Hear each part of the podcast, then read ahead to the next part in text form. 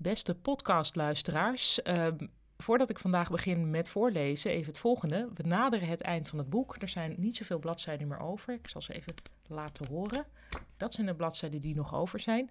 Voor wie nou denkt van ik wil meer podcasts, ik wil meer audio, dan is er natuurlijk van alles te beluisteren wat ik ook al eerder heb genoemd.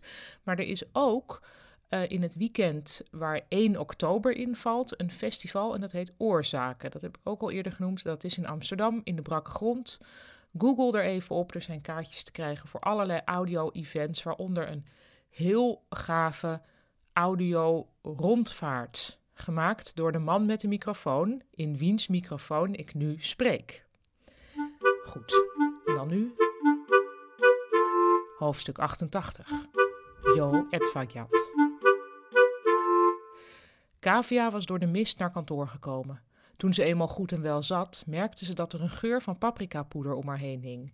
Ze hoopte dat niemand het zou ruiken, maar ergens rond het middaguur zei Kim ineens: Ik heb zin in winters eten, goulash of zo. Dus het was toch wel doorgekomen. Kavia hoopte dat het allemaal op een subliminaal niveau bleef. Toch ging ze voor de zekerheid naar de wc om de deur een paar keer open en dicht te doen. Dan daalde er elke keer een wolkje lavendellucht op haar neer.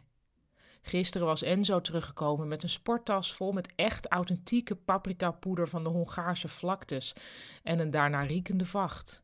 Man, man, man, had hij gezucht. Ik weet alles over goulash. Nu nog een truc fixen en pimpen en ik ben er klaar voor. Yo, Edvardjat. Hij was even stil. Dat betekent eet smakelijk. Hij keek haar aan. En hoe is het hier? Ik moet van de grote baas een brainstorm organiseren over een nieuwe PR-strategie, zei Kavia. Oh jee, zei Enzo, je kijkt alsof die brainstorm een enge ziekte is. Is het ook, zei Kavia, en ik heb nog niks en ik moet ook een keynote verzorgen. Ineens prikte er tranen in haar ogen. Ach, arme haarbal.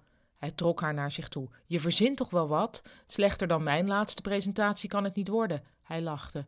Ja, maar het was nu echt huilig geworden. Wat is er dan? Je was zo lang weg, snikte Kavia. Moet je niet toch gewoon gezellig meedoen met het goulash-project? Samen er tegenaan, zeg maar? Hoe dan? Mijn baan opzeggen? Je mag ook eerst alleen in de weekends mee, een beetje in een pan roeren.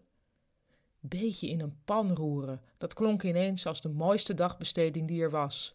En Josje dan? vroeg ze. Josje is nog langs geweest in Budapest, zei Enzo. Kavia's nekharen gingen meteen rechtop staan.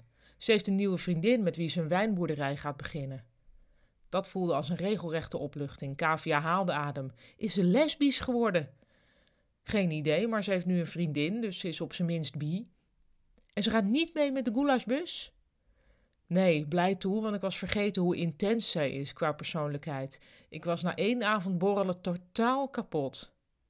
Je wilde als nieuwe liefde natuurlijk liever dat een ex te sloom was dan te intens, maar Kavia moest het er maar mee doen. Gelukkig, zei ze met een klein stemmetje. En wat moet ik nou ondertussen met mijn keynotes? Komt goed, zei Enzo. En zo voelde het ook, alsof nu alles goed zou komen.